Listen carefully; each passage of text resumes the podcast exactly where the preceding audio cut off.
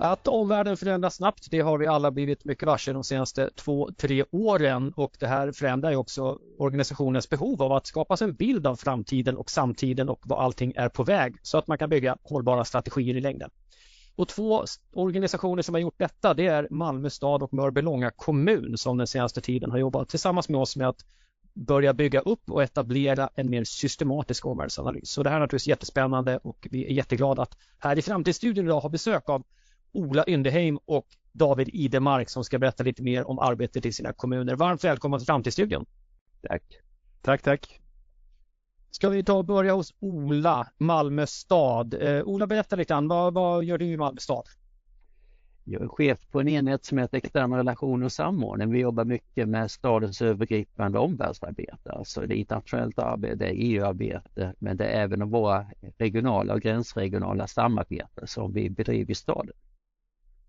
Och eh, staden vi pratar om är Malmö som sagt. Eh, berätta lite befolkningsstorlek just nu, hur många är det? Ja, vi passerade 350 000 här förra året så vi är väl uppe på, ja det är väl säkert 352-53 000. Vi är på väg mot en halvmiljonstad. Vi är Sveriges väx snabbast växande storstad. Eh, vi har 27 000 anställda i stadens organisation. Just det. Så det är i svenska kommunsammanhang en jätte naturligtvis. Eh, och eh, David Idmark, Mörbylånga, berätta vad är du i Mörbylånga David? Jajamän. Jag jobbar som administrativ chef. Eh, jag har ansvar för internt stöd i vår kommun. Som är ekonomi, kansli, kommunikation och lite andra verksamheter. Och kan du berätta om Mörbylånga apropå befolkningsstorlek och, och antal anställda? Hur stora är ni i jämförelse? Ja, men vi är ju 11 000 färre i vår kommun än vad Malmö är anställda i sin kommun. Så att eh, det är klart att eh, det är lite skillnad på de här två kommunerna. Vi är 16 000 invånare knappt eh, och 1250 heltidsanställda i kommunen. Just det. Och om man nu tycker att storlek är häftigt ibland så kan man i alla fall konstatera att ni Mörbylånga, ni är kommunmässigt mer normala egentligen än Malmö. Det är de som är avvikelser där. Mm. Eh, och eh, jag är jätteglad att ni två är med båda två och kan, kan bidra med de här olika perspektiven. För det är naturligtvis helt olika förutsättningar att ägna sig åt de här frågorna som vi ska diskutera. Um, omvärldsanalys, att göra det i en organisation systematiskt. Eh, David, hur har det sett ut i realiteten hos Mörbylånga hittills? Eh, alla organisationer pratar om omvärldsanalys, men hur har det varit hos er och alltså, hur systematiskt har det gått till? Och kan du berätta någonting om hur det har funkat i realiteten? Ja, i vår kommun så har ju omvärldsanalys bedrivits i, systematiskt i samband med budgetarbetet och då i huvudsak har det handlat om en eh, eh ur en ekonomisk synvinkel som man har gjort sin analys. Befolkningstillväxt eh, och, och, andra sådana parametrar har man tagit hänsyn till skatteintäkter och annat. Så att det är ju en ren ekonomisk omvärldsanalys som har bedrivits och eh, duktigt systematiskt. Eh, både tjänstepersoner eh, ledd av ekonomienheten eh, och eh, politikerna har varit involverade i eh, budgetarbetet via våra våra sammankomster då i, regelbundet i, inför varje års budget. Just det. Och den där årsanalysen, tänker jag, det, det, det du beskriver det som många kommuner gör och som i en mening har en eh, jätteviktig funktion och som sträcker sig utanför kommunhuset absolut, men är kanske inte alltid jättelångt bort tänker jag, för vi pratar om prognoser med befolkning och så. Det är ganska nära ändå lokalt i det perspektivet, eller vad skulle du säga? Det är absolut nära. Det sträcker sig max på nationell nivå när man pratar om hur mycket statsbidrag kommer man få och, och vad är det läget. Men, men eh, eh, ingen större omvärldsanalys och eh, varje nämnd eller verksamhet har ju sen i sin tur eh, blickat lite utåt så långt man har velat eh, och tagit hänsyn till eh, omständigheter i omvärlden möjligtvis. Men eh, det har inte varit så systematiskt som vi nu skulle vilja göra det. Ja, just det. Ola, om du berättar lite om Malmö. Jag har ju sett en del av ert material som, som också tar upp en del av liknande data som David pratar om, befolkningsutveckling och så vidare, eh, som är ett omfattande material, inte minst. Och ni har ju också en helt annan analyskapacitet naturligtvis med så mycket mer folk och eh, medarbetare. Men, men om du skulle beskriva en, en kort återblick, liksom hur det brukade vara innan ni drog igång ett förändringsarbete på den fronten? Ja, nej men det finns, det har inte funnits brist på datastatistik i Malmö. Det finns det fortfarande inte utan vi har ju massor eh, som, du, som David är inne på i samband med budgetprocess, ekonomi, demografi eh, men det finns även på varje nämnds område eh, givetvis massa rapporter. Men det har nog varit mycket befolkningsdata, det har varit ekonomi, eh, inkomsterna framförallt som vi har gjort år till år och vi har gjort liksom ur central karaktär från stadens sida eller från statskontorets sida. Det har ju varit så att, att vid fler, några tillfällen har vi gjort mer trendanalyser men det har det varit liksom mer för ett case, för en enskild rapport. Det har inte varit det systematiskt och återkommande. Vi har också haft vi har rätt stora och starka nämnder eh, som har otroligt mycket kapacitet och kunskap. Och det är faktiskt så att flera av dem har gjort egna arbete inför sina nämndsbudgetar och in i sina budgetträffar så har man eh, flera förvaltningar gjort egna så att säga, trendanalyser. Så hos oss växte det fram mer att det behov av en gemensam analys för hela staden, för alla förvaltningar kan ta del av. Just det, och det var ju faktiskt så också eh, vi fick kontakt med er den här svängen. Det var ju bara fritidsförvaltningen som, som eh, började eh, nosa i den här riktningen och även tekniskt om jag minns rätt. Mm. Eh, och där vi märker att det är ofta, som i alla andra organisationer, så är det några som får upp eh, liksom, spaning på det här behoven lite före den andra och sen så kan det sprida sig och så. Så det känns igen. Um, hur skulle du beskriva, du sa starka nämnder, hur skulle du beskriva eh, arbetsfördelningen liksom, eller engagemanget mellan förtroendevalda och tjänste, tjänstepersoner i Malmö där kring omvärldsanalys? Har det varit en tjänsteman man har drivit på eller har det varit från båda håll? Eller vad ska du säga? Nej men det här har ju varit en, en det här är ett verktyg för tjänstemannaorganisationen ser vi det som. Det är en hjälp för planerarna och cheferna i, i sitt arbete. Så att det här har ju växt, den processen vi har ju genomfört det här sista året har ju varit driven av stadens ledningsgrupp, alltså de samlade 13 förvaltningscheferna i staden som har velat ha en, ja, vi behöver en gemensam utgångspunkt när vi pratar omvärld och får, att vi har samma utgångspunkt när vi spanar utåt. Så det har växt fram mycket på, så vi ser det här som ett underlag eh, för liksom våra medarbetare, våra planerare, våra chefer att, att kunna ta in perspektiv vad som händer i omvärlden. Vi ska göra det från samma material. Sen kommer varje förvaltning sen kanske har möjlighet att bryta ner det här utifrån sitt perspektiv. Mm. Eh, så vi har kört det här en, strikt för tjänstemannaprodukt på det sättet och riktad till vår, vår stora organisation av, av, av ledare och planerare. Vi kommer komma tillbaka lite grann och bara titta på skillnaden för ni har ju, Mörbylånga och Malmö har ju på det sättet valt lite olika väg i, i hur processen är tänkt att fungera. Men David, om du skulle berätta någonting, så här, vad, vad, vad, skulle du säga är förhoppningen eller förväntningen hos, hos dig och andra i ledningsgrupp? Vad kommer det här leda till? Pandemin kom som en överraskning. Vi var dåligt förberedda. Eh, flyktingvågen även då för ett antal år sedan kom också som en överraskning. Vi var dåligt förberedda. Eh, kriget i Ukraina kom som en överraskning, vi var dåligt förberedda. Och det är inte bara vi som var det, men för att det som drabbade oss eh, var vi för dåligt förberedda för och det, det har vi liksom fått kämpa med. Och eh, det blev en, en ögonöppnare för oss och vi kände att nej, vi måste blicka mer utåt framåt för att kunna det går ju faktiskt att förutse en del saker som kommer att hända. Så där, eh, därför som vi har liksom börjat den här processen och också skapa den här omvärldsanalysprocessen som ska vara gemensam för, för hela kommunen men i olika steg. Eh, vi tänker ju också lite annorlunda än vad Malmö tänker. Vi i vår lilla kommun känner att våra politiker måste också ha en insikt i om hur trenderna ser ut och vad, hur de påverkar oss. Så vi kommer ju ha med våra politiker också i eh, de workshops och annat som, som kommer framöver. Ola, kan du berätta någonting om när ni drog igång den här processen? Eh, för det är, ett, det är ett ganska stort arbete. Mm. Det har krävt mycket tid, inte minst från dig och så vidare. Vad, vad var det som sa, men vi behöver göra det här för att vi vill uppnå vad då? Vad var liksom drivkraften bakom behovet? Nej, men det, det gäller väl att ha en gemensam samsyn och vad som eh, kommer liksom påverka oss i framtiden. Också en gemensam utgångspunkt för våra diskussioner. Och så att vi är en stor organisation med många stora starka förvaltningar så vi behöver ha den lilla samsynen i det och så att den kommer från stadens ledningsgrupp. De hade också det behovet att utgå från gemensamma eh, förutsättningar i det.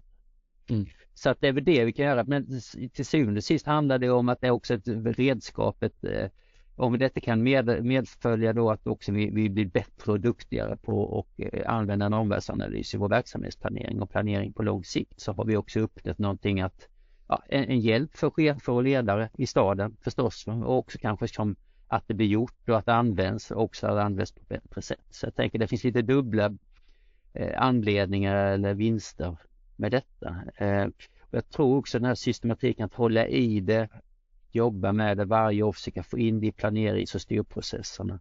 Att det blir en naturlig del av det så, så har man vunnit rätt så mycket.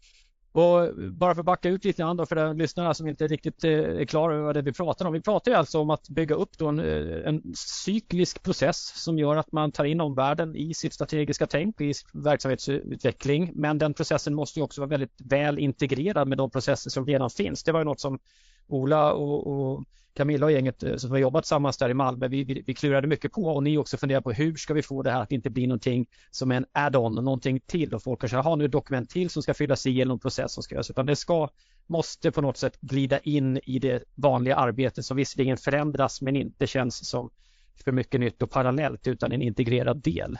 Eh, Ola, kan du berätta lite grann hur, vad, vad fann ni för lösning där? Hur förhållningssättet till, till hur olika förvaltningar jobbar med det här materialet som tas fram och, och ja, balansgången mellan centralstyre, vi ska ha mer omvärldsanalys och autonomi, men hur ska ni använda det? Ja, det kanske ser olika ut. Kan du berätta lite om den här balansgången? Att...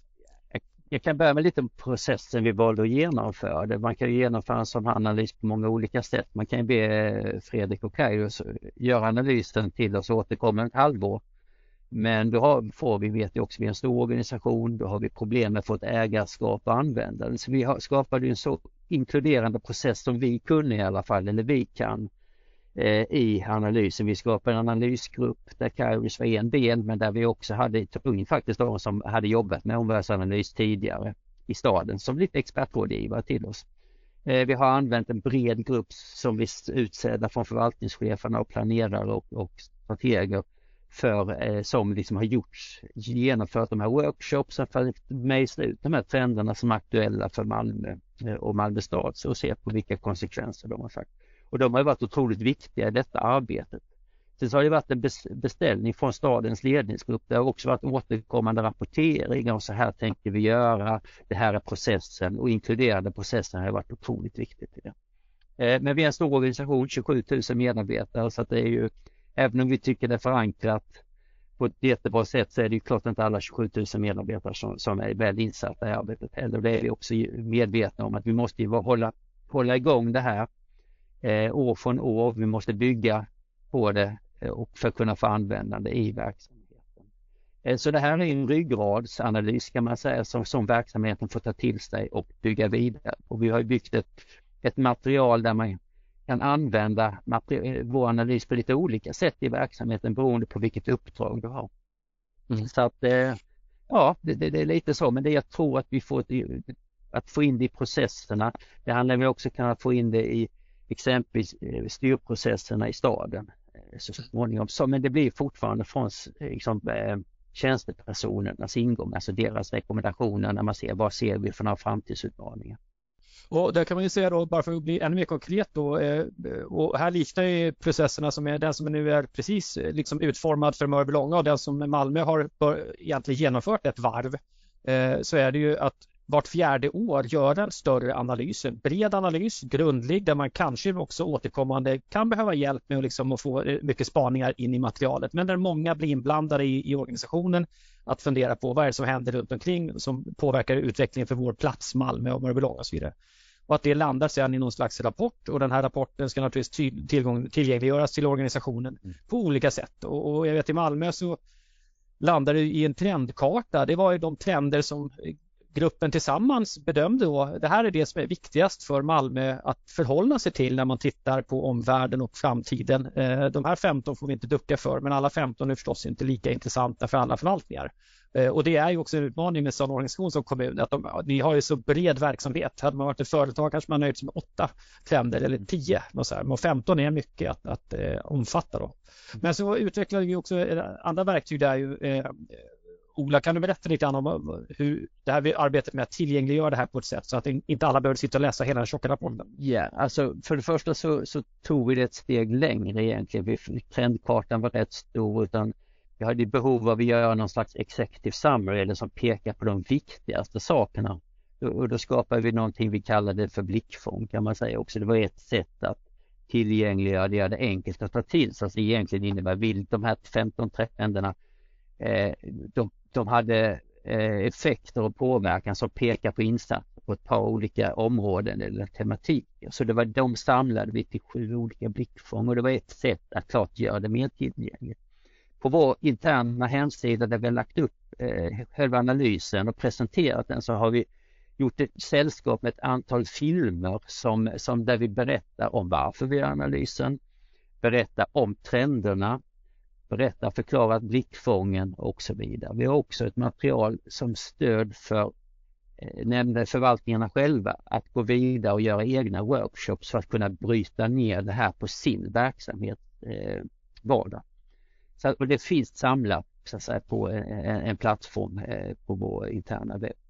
Mm. att både filmer, material och lite sådana här eh, guidelines för att göra workshops så har vi försökt göra det enkelt att använda. Mm. Och de här blickfången kan vi beskriva då som säger, det var sju tematiker och det var ju tematiker som jag tror många känner igen då, sig också i där. Okej, vad, vad, vad, betyder de här 15 trenderna för det hållbara Malmö till exempel? Vad betyder de för det fysiska Malmö, den fysiska planeringen? Vad betyder det för det kompetenta Malmö? Kompetensförsörjning, kompetensbehov, både inom organisationen men också för näringsliv och så. vidare. Så det fanns ett antal termer där som jag tror att många kunde känna, ah, men det där, det där är jag med på och så, och så hade de kokats ner då. Och där kan man, kan man ju då blickfången eh, ta del av frågor som kan stimulera samtal inom respektive verksamhet. Så, okay, vad, vad, kan vi tänka på på just det här området? Och vi vänder oss till Mörbylånga, där har ju processen eh, kommit så långt nu att det finns en, en, en, eh, en skiss på hur resan ska se ut framåt. Eh, men sen är approachen lite annorlunda när det gäller hur det här ska användas och var det ska användas. David, kan du berätta lite om hur, hur ni har tänkt där apropå tjänstemän, förtroendevalda och så vidare?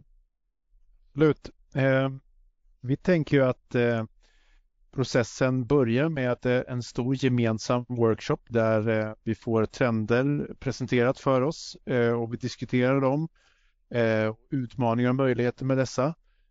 Och sen så skickar vi vidare underlaget från workshopen till en analysgrupp som sen jobbar fram en rapport som sen då i sin tur blir en, ett underlag och ihop med en sån här trendkarta eh, blir ett underlag för budgetarbetet kommande år. Nu jobbar vi alltså inför budget 24 och eh, vi tänker att när rapporten har dykt upp i februari så kommer den att bli underlag för diskussion i eh, politiken, framförallt kommunstyrelse och kommunfullmäktige. För att eh, så här eh, precis i början på en ny mandatperiod så tar kommunfullmäktige i vår kommun sina tre utvecklingsmål som ska gälla i fyra år. Och eh, det är väldigt viktigt att de här tre utvecklingsmålen för kommunfullmäktige att de är på samhällsnivå och att de träffar rätt. Eh, och då är ett sånt här underlag perfekt för att eh, ja, men, träffa rätt. Och eh, sen är ju tanken att trendkartan ska vandra vidare och användas också av nämnderna i nämndernas eh, verksamhetsplansarbete under eh, hösten eh, 23 inför eh, verksamhetsplanerna 24. Så att eh, även på nämndsnivå att man tar hänsyn till eh, trendkarta och rapport.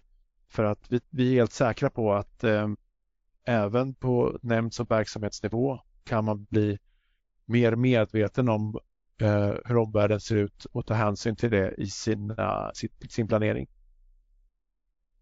Just det, och här ser man ju, tänker jag, och det var också en lärdom lite vi tog med oss från, från Malmöresan också och sen det faktum att det är naturligtvis väldigt olika stora organisationer men att.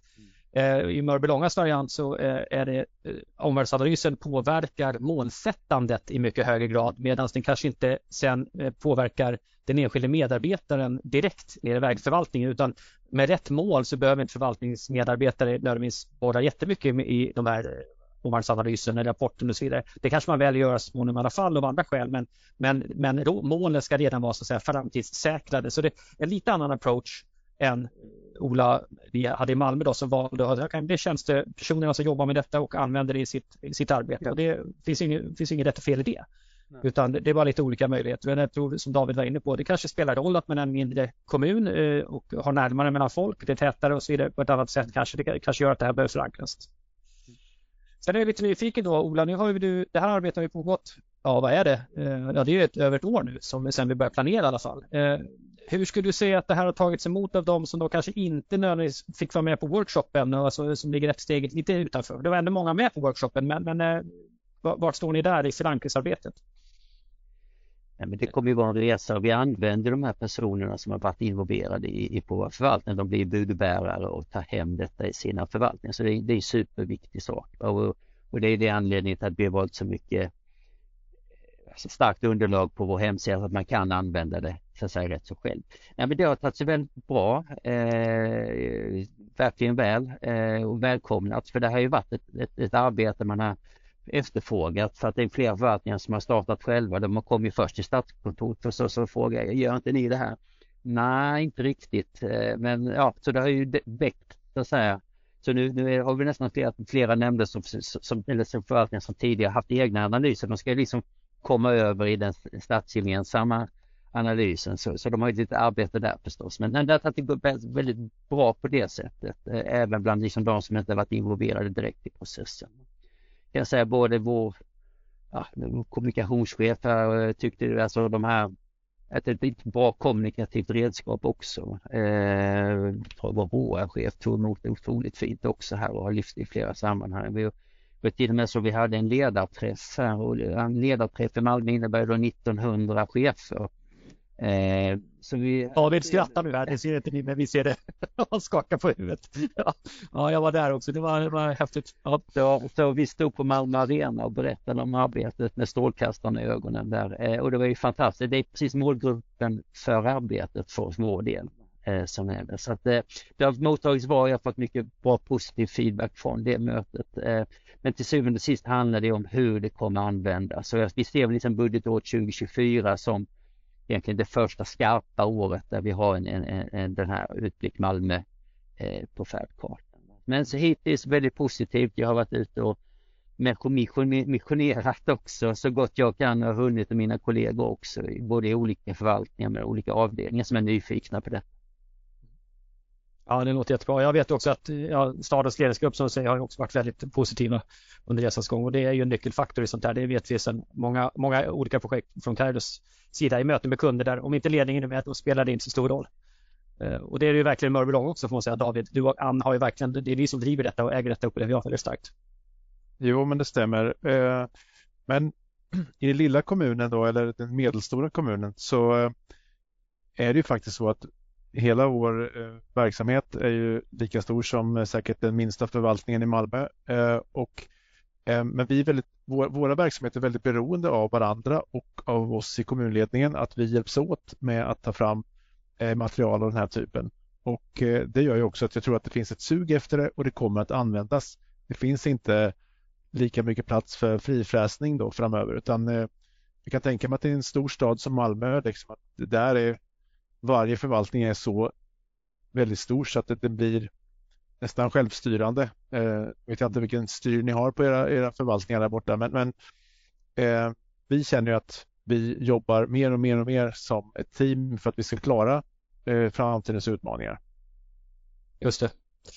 Och det där tänker jag eh, en reflektion jag har haft kring omvärldsanalys alltså från ett, från ett eh, större, ett annat perspektiv. Jag, jag inbillar mig att en organisation som har råd och förutsättningar och väljer att investera i omvärldsanalys skapar både samsyn kring omvärlden och framtiden på ett sätt som en del beslutsfattande blir liksom lättare efter det. Man har vissa grundförståelser. Ja, men så här så här ser trenderna ut. Jag kan tycka vad jag vill om det, men, men när vi verkligen ser oss kring och anstränger oss och tänker tillsammans så, så är det otvivelaktigt så att vissa skeenden är på gång.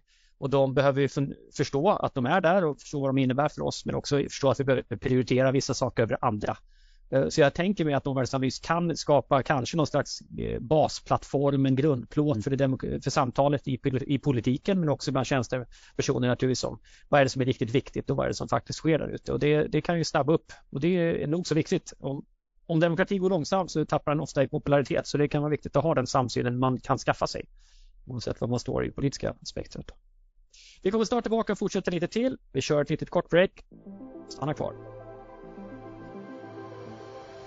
Kairos Future Academy erbjuder en kunskapsarena för utbildningar, seminarier, trendföreläsningar och workshops relaterade till omvärld och framtid. Det är här du skaffar verktygen för att låta omvärlden påverka er organisations strategiska riktning, liksom för innovationsledarskap och processledning av workshops. Kalendarium med kommande kurser finner du på kairosfuture.com. Då så, vi pratar systematisk omvärldsanalys, kommuner som bygger upp en systematik som gör att det blir lättare att fatta omvärlds och framtidssäkra beslut och planer i sitt arbete. Och med oss har vi Ola Yndeheim från Malmö stad och David Idenmark från Mörbylånga som båda har varit med och startat och drivit fram sådana här projekt i sina egna organisationer. Ja, vi pratar om systematik här och då behövs det som du säger att få uthållighet i detta, få en återgång eller återkomma till att göra liknande saker, alltså samma cykel igen och igen så att organisationen lär sig och så vidare. David, hur har ni tänkt kring, kring eh, den interna kompetensen? För upplägget som vi har gjort det tillsammans är ju att försöka få Mörbylånga att bli så självgående som möjligt i detta naturligtvis. Och du pratade tidigare om ert behov av att samarbeta kors och tvärs i en liten organisation. Det finns inte alls samma resurser att ha specialister på alla möjliga områden som en kommun ska klara av utan eh, man är med och bidrar på olika sätt. Eh, vad är din bild så här långt av behovet av liksom att ha utbildning eller, eller att bli självgående i detta? Vad, vad tänker du? Ja, men jag tror att eh, den här omvärldsanalysen behöver göras på olika nivåer i organisationen även framgent. Eh, men jag vi behöver ta ett, ett eh, helhetsgrepp på, eh, på central nivå. Eh, vi har ju valt att eh, våran, vad ska vi säga, utvecklingsavdelning, hållbar utveckling, eh, eh som vi har, våra strateger, eh, att de ska hålla i den här processen eh, och också bli lite experter på att leda eh, samtal, workshops och arbete ute i, i nämnderna och verksamheterna för att vara också ett löpande stöd då mellan de här större vart fjärde år eh, analyserna där vi kanske tar ett helhetsgrepp och också tar extern hjälp.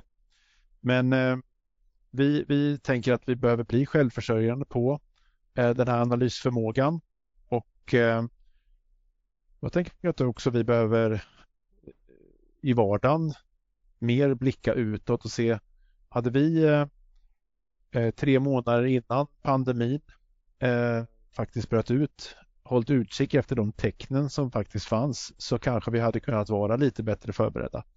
Eh, Likaså utvecklingen i, mellan Ryssland och Ukraina.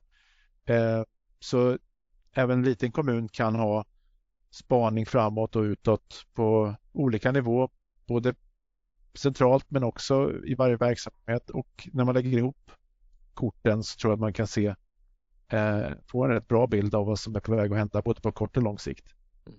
Det låter som att du också delvis pratar om kanske, och jag kallar det attitydförändring, kulturförändring, alltså vad, vad, är det vi ska, vad är det vi ska söka efter, vad är det som är viktigt att prioritera när vi, alla, alla uppgifter vi har varje dag, varje vecka, att vi också får den här tiden att se tecknen i tid. Att det, blir, det blir så viktigt att vi måste få en sån kultur där folk gör det spontant också. Uppfattar jag det rätt?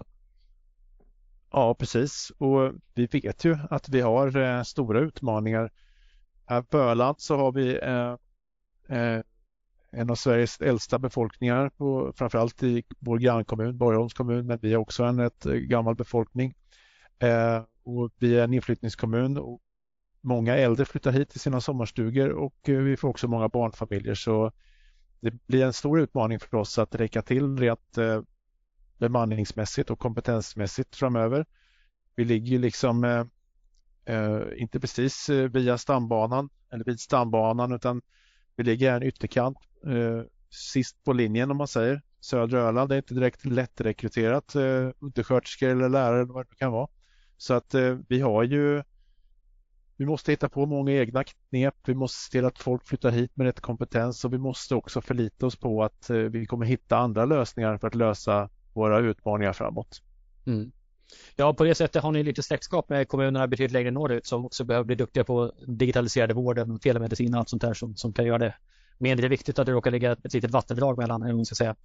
Så att ja, Ja, det finns mycket, mycket anledning för omvärldsdriven innovation som är en av de saker man kan använda omvärldsanalys till. Att helt enkelt innovera kring vad är det för någonting vi ser omkring oss, vad betyder det för oss?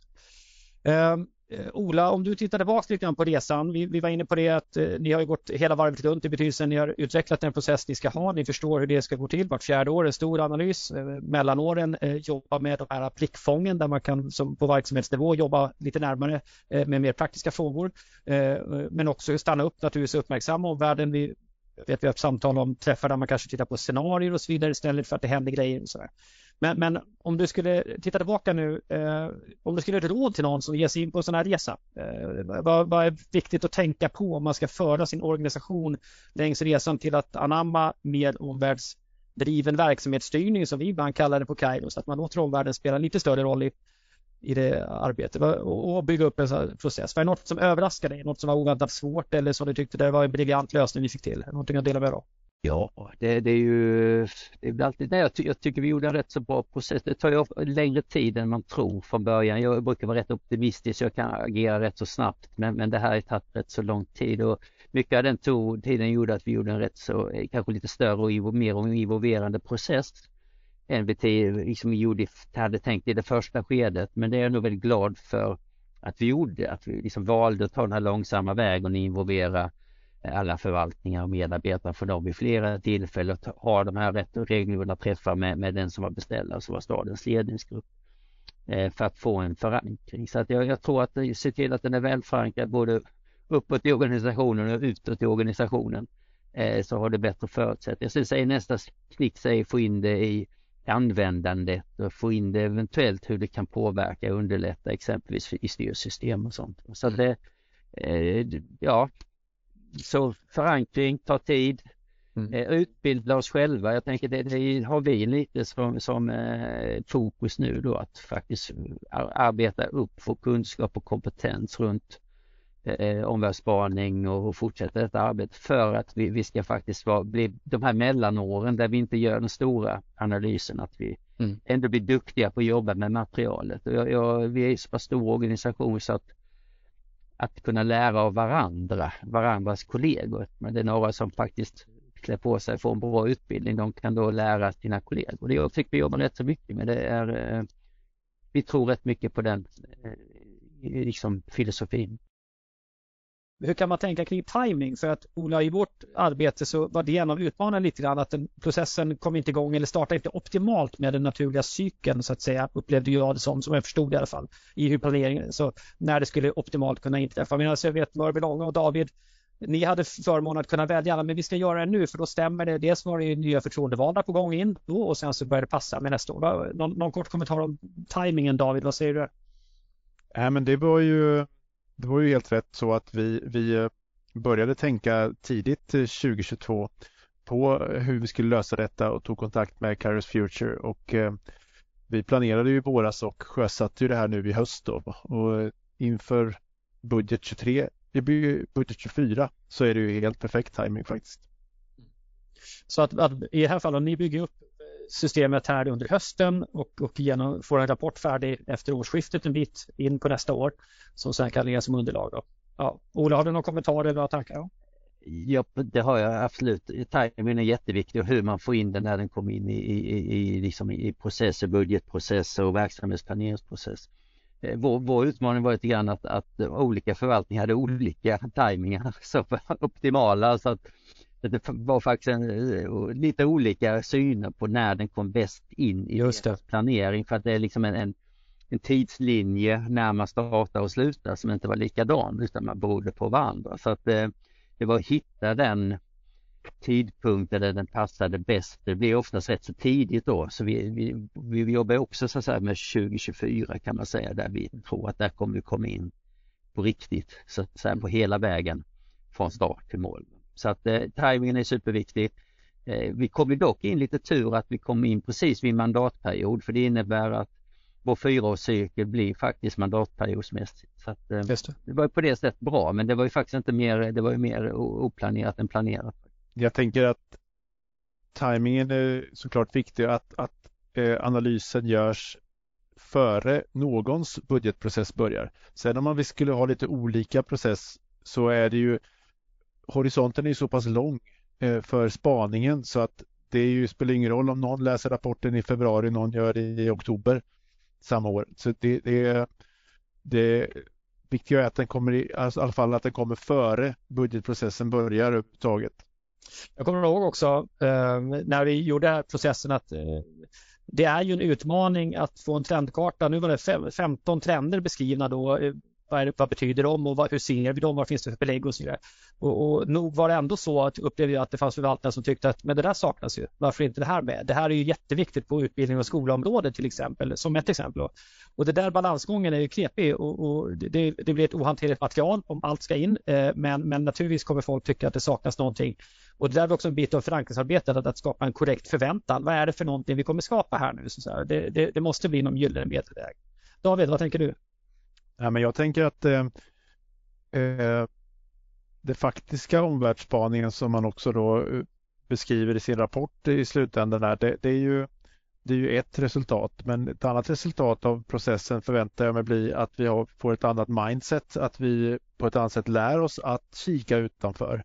Jag tänker att vi lär oss metoder för att kanske inom utbildning eh, på, på, på nämndsnivå göra ett liknande eh, omvärldsspaning fast på, med den utgångspunkten. Det ju, finns ju ingenting som hindrar det framöver utan att vi lär oss hur gör man den här trendspaningen. Den kan ju vara på nationell nivå, global nivå eller regional nivå eh, för, och, i, inom ett visst område. Då. Nu spanar vi ju brett så här i första spaningen.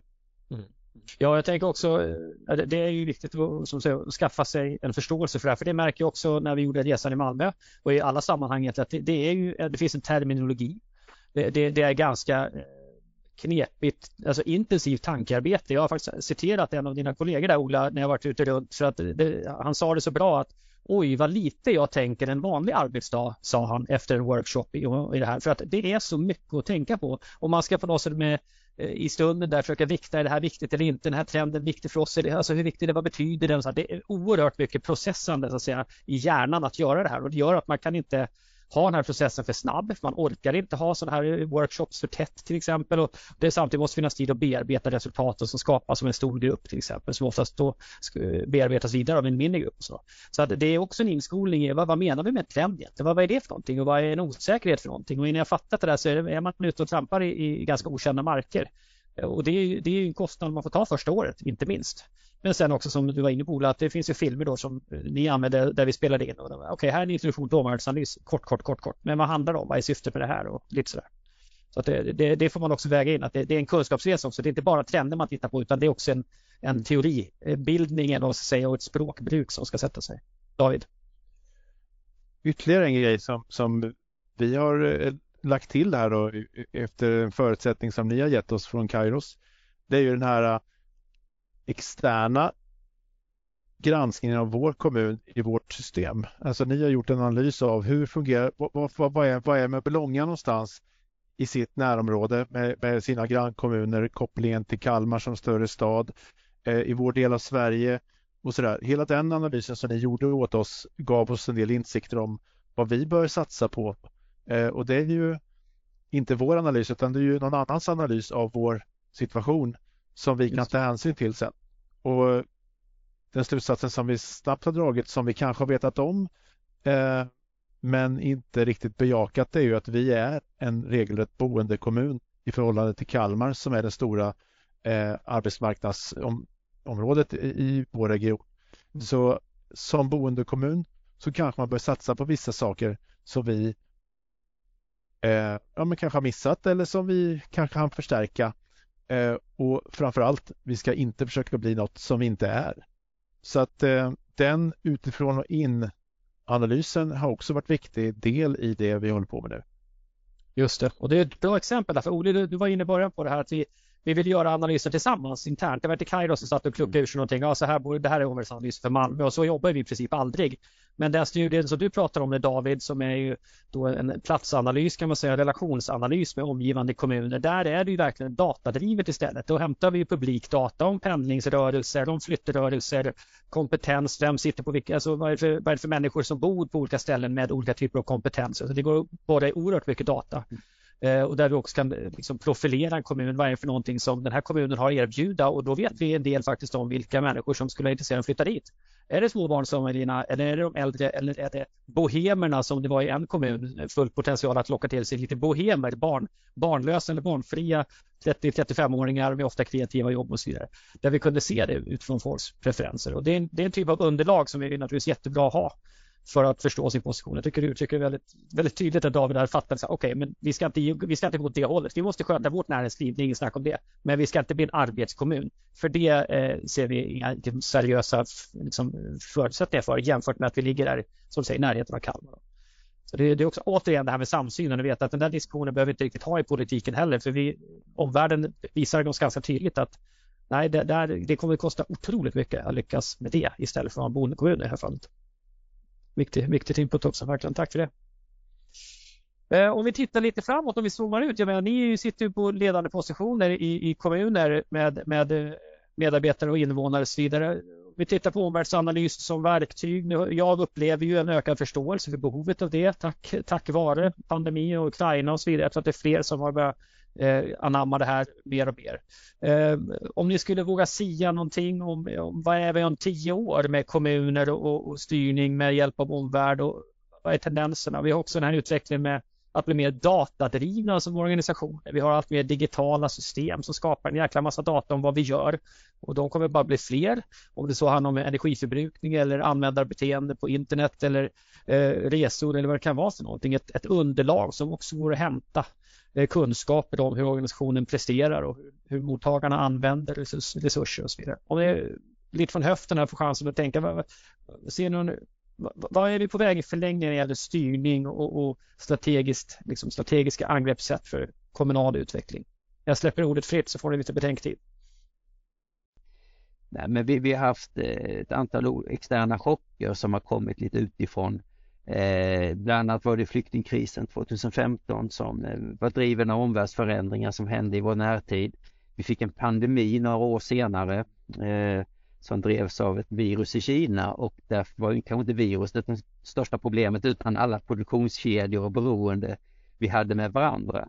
Och nu har vi då ett krig i Ukraina som visar att vi, hur sammanknutna vi är på energiområdet. Så det visar bara att vi är mycket tätt, tätare sammanknutna med vår omvärld och är mer liksom, påverkade av vad som händer i vår omvärld. Bara det talar för att vi behöver vara mer verksamma och mer liksom, ha mer koll på vad som kan hända och händer. Risken är när vi, det blir nästan någon slags permakris här nu på något vis med flera kriser som avlöst varandra att vi tappar lite de här långsamma förändringarna som händer. Det handlar om demografi, det handlar om klimat, eh, det kan handla om för, för städer att vi får liksom trängre och trängre och svårare, många mer målkonflikter med hur vi använder eh, mark exempelvis. Så att risken är att de här att det har varit så många stora kriser som vi kan uppleva det som påverkat oss att vi tappar lite de här lite långsamma förändringarna och trenderna som, som driver oss. Mm. Ja, intressant eh, tanke och vi får se, kommer det bli något lugn här framöver eller är det som säger ett pärlband nu av, av utmaningar och i så fall vad gör det med eh, vad som känns stressande? Man vänjer sig också på något sätt. Ja, nu var det det, då får man väl ta det istället och så ta sig an det. Alltså det, det, det människor har en väldig förmåga att anpassa sig så det ska bli väldigt intressant att se. Och bara en sån sak som eh, det här alla fantasier om livet efter pandemin. Hur mycket kommer vi faktiskt jobba på distans? Det, pendeln har ju svängt lite tillbaka på en del ställen och man inser att folk både kanske vill vara tillbaka och en del arbetsgivare tycker att vi kan inte vara borta hur mycket som helst som vi kanske fantiserar om en period, eller några gjorde i alla fall. Så att det, det, det är många skeenden där som, som ska bli intressant att se hur det rullar vidare. Vad tänker David kring de här frågorna med framtidens liksom ledning och styrning, omvärld, strategiskt tänk, beredskap, allt vi är inne på här? Ja, men jag tänker du frågar hur det ser ut eh, tio år bort. Tio år är inte så lång tid faktiskt. Eh, tanke på att, eh, att få till bestående förändring i en fråga kanske tar 57 år i vår eh, verksamhet så, så vi hinner kanske på tio år då genomföra den här grundliga trendspaningen kanske tre gånger. Men eh, jag tror ändå att vi, vi som liten kommun kommer vara mer sammansvetsade, jobba mer horisontellt än i våra stuprör för att lösa de utmaningar vi står inför. Eh, som liten kommun så ser vi också alltså det, demografiutmaningen med, med, med, med många äldre som eh, har större förväntningar på oss och som har ett kanske större vårdbehov lever längre. Eh, det kommer vara en stor utmaning för oss. Eh, och att hänga på då eh, gemensamma arbeten i Sverige som till exempel nära vård eh, blir viktigt. Eh, vi tittar ju redan idag på hur vi kanske måste lyfta blicken, inte skapa egna styrdokument och strategier för allting utan kanske hålla oss till de regionala som oftast finns.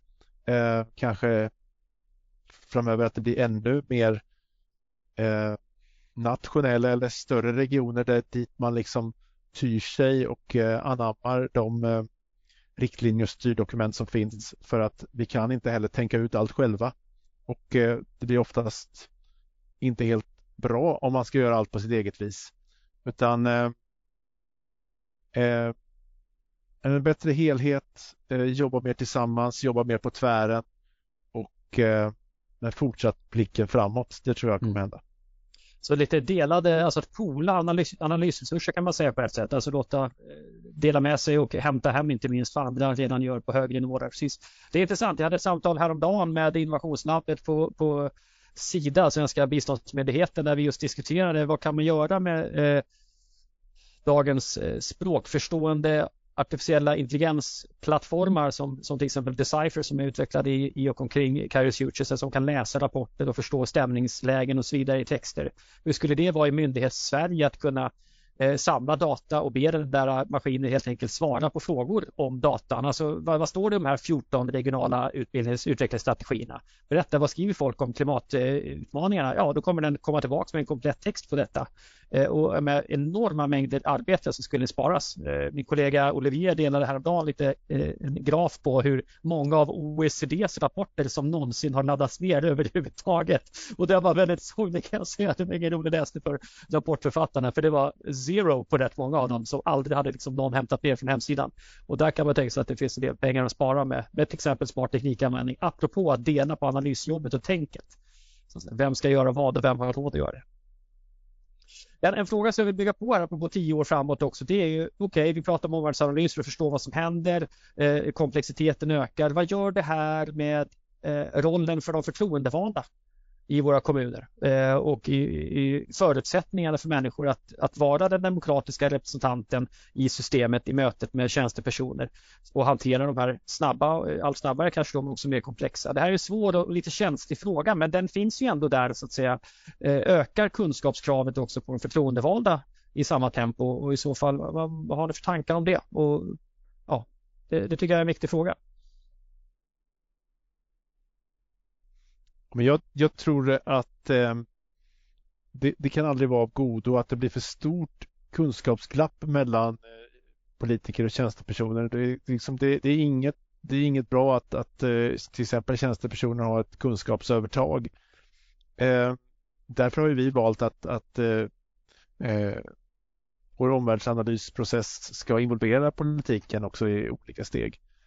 Eh, jag tror att det det är viktigt för att kunna fatta rätt beslut, bra beslut för framtiden så, så behöver politikerna oavsett politisk inriktning ha en, en, rätt så bra koll på, på omvärlden och hur den påverkar oss.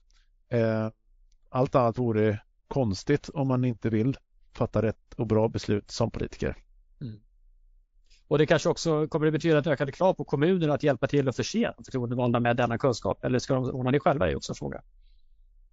Eller är det då de vänder sig till AI och frågar sig vad ska jag tänka på det här området och så kommer ett svar. Naturligtvis helt neutralt och objektivt. Då kommer de läsa den rapporten som nu då produceras eh, i februari här. Ja, kanonbra. Ja, Ola, några reflektioner kring förtroendeval, tjänstemanna, relationer här med ett ökande komplexitet och kunskapskrav på något sätt?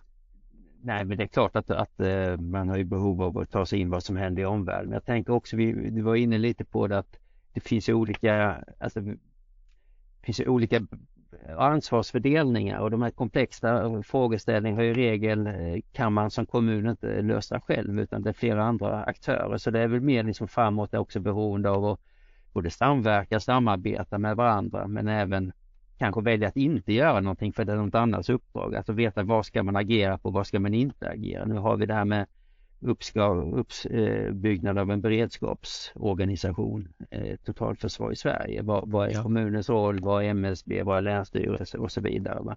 Alltså det är ju en, det är otroligt komplext eh, och jag tror det finns flera områden där de här stora frågorna är, är så komplexa. Vems ansvar är det och det finns delat ansvar och, och så. så att, ja, jag tror man får eh, också lära av varandra och, och liksom det olika organisationer och olika roller. Konkurrensen på området framtid har ju hårdnat avsevärt de senaste åren. Det är många som pratar om det, inte minst stora konsultjättar, men också så har vi de som producerar gratis material. EU, eh, OECD, eh, men också eh, Sveriges kommuner och regioner har ju formulerat trender, dock inte helt utan vår hjälp, så det är roligt, men ändå. Jag måste ställa frågan, övervägde ni att liksom, ja men vi tar det material som finns och gör jobbet själva och, eller inte? Och i så fall, vad var det som avgjorde saken att inte råda detta själva? Eller var de inte ens kanske kända för det, de här gratisalternativen? I betydelsen gratis trender, det är inte så mycket annat som är gratis, men det är i alla fall någon som har spanat åt den ordentligt och processat. Hur gick tankar där, Ola? Jo, men det är klart att, att eh, vi tittade också på SKRs trender. Vi gjorde själv en omvärldsspaning på omvärldsanalyser, vad som passade vår eh, organisation eh, och vi, vi fastnade dels i att plocka in de här när, när eh, det som påverkar vår närtid också så att det inte bara blir en långsiktig trendanalys utan vi bygger det i flerstegsraketer. Vi börjar med demografi och ekonomi och vad som händer här, ganska här och nu och sen bygger vi på med den här trendanalysen. Och, och vi, vi kikade också på möjligheten att kunna använda exempelvis redan gjorda, jag, menar, jag tänker att SKRs trender som gäller kommuner kanske gällde de flesta kommunerna i Sverige men när vi började gräva i det och började se på processen och intervjua de som hade gjort egna analyser i staden så, så pekade mer på att det fanns ett behov av att göra de här lite mer Malmö-specifika och framförallt för att kunna få en förankring eh, och få en bra liksom, grund att stå på så, så valde vi att göra hela processen eh, själva från början. Men andra sidan till nästa år eller nästa mandatperiod så tänker jag att vi har lite mer att stå på. Vi kan bygga vidare på detta så att eh, vi har bättre förutsättningar faktiskt att eh, göra det mer själva. Ja, men det var verkligen ambitionen med det upplägg som gjordes att så ska det vara. Och det handlar inte bara om att kunna omvärldsspana, omvärldsbevaka utan också att leda processerna där folk ska vara med och tänka tillsammans. För den, den delen tror jag är många som kan rusta sig för om man inte redan kan det. Det svåra som jag brukar ta med mig det är just det att ha tiden att plocka ner alla små datapunkter, alltså samla de här studierna och artiklarna och allt. Det är det som ibland kan vara väldigt splittrande om man har mycket annat att göra. Men själva processledningsbiten och formulerande och författande och så här, det kan man absolut lära sig antingen själv eller genom kurser och så vidare. David, funderar ni någonsin på alternativet att köra eh, med det som finns där ute? När vi anlitade Kairos så, så visste vi varken vad som var fram eller bak liksom och var vi skulle börja någonstans. Det var ju själva processen som vi framförallt behövde hjälp med eh, för att få till. Sen eh, jag tror vi kan absolut bli till viss del självgående på, på omvärldsanalys och, och vi kan läsa en del men att de här vart fjärde år så kommer vi nog behöva ta extern hjälp från någon som gör det här på heltid ändå att liksom ha eh, eh, en, en, en större blick än vad vi någonsin kan skaffa oss. Så att vi kan läsa rapporter liksom eh, så mycket vi orkar men, men eh, vi kommer att behöva ta in extern hjälp och det behöver verkligen inte vara någon nackdel. Det kan vara bra tvärtom. Att, eh, att någon annan kommer och hjälper en att tänka. Gott att höra. Mina herrar, det är det. Ja, Ola. Nej, men jag är då enig där. Det är klart att alltså, även om jag säger att vi kommer bli mer självförsörjande så handlar det mer om att sätta processerna och sätta uppläggen. Men klart när vi tar in det här vad som händer i omvärlden så, så, så ger det ju något extra förstås. Så att jag, jag håller med David också i detta även om jag tror att vi processmässigt har blivit väldigt mycket starkare och bättre vad genom heter. göra. Gott, då eh, tänker jag faktiskt att vi rundar av här. Nu har vi pratat en bra stund på ett väldigt intressant ämne och ni har ju bidragit nu också till, till omvärldsspaningen för de som lyssnar på podden och inser att vänta, vår kommun kanske borde ta sig an det här också för ni är lite med på. För att eh, Eh, ja, ni skickar tydliga signaler och det upplever vi också att det finns alla anledningar att ha den här kapaciteten närmare sig. Exakt hur det ser ut däremot, det måste man fundera på lokalt om man vill ha politiken med eller tjänstepersonerna som ska sköta det själva och inte minst den stora frågan, det vi skapar, hur ska det integreras i de processer vi redan har? Så annars kommer det här inte bli någon populär sjösättning internt utan det måste verkligen synkas med existerande styrmodeller och allt vad det kan vara för någonting. Jättestort tack till Ola Indeheim, Malmö stad och David Idermark, Mörbylånga kommun för att ni kom till Framtidsstudion. Det har varit jätteroligt att prata med er och vi ses och hörs snart igen. Tack, tack. Tack, tack. Med det så avslutar vi det här avsnittet och eh, välkomna tillbaka. Snart släpper vi någonting nytt spännande om framtiden och inte minst jobbet med att få ordning och koll på framtiden för det är också det som vi ska lyckas med. Tack för den här gången. Jag heter Fredrik Thorberger.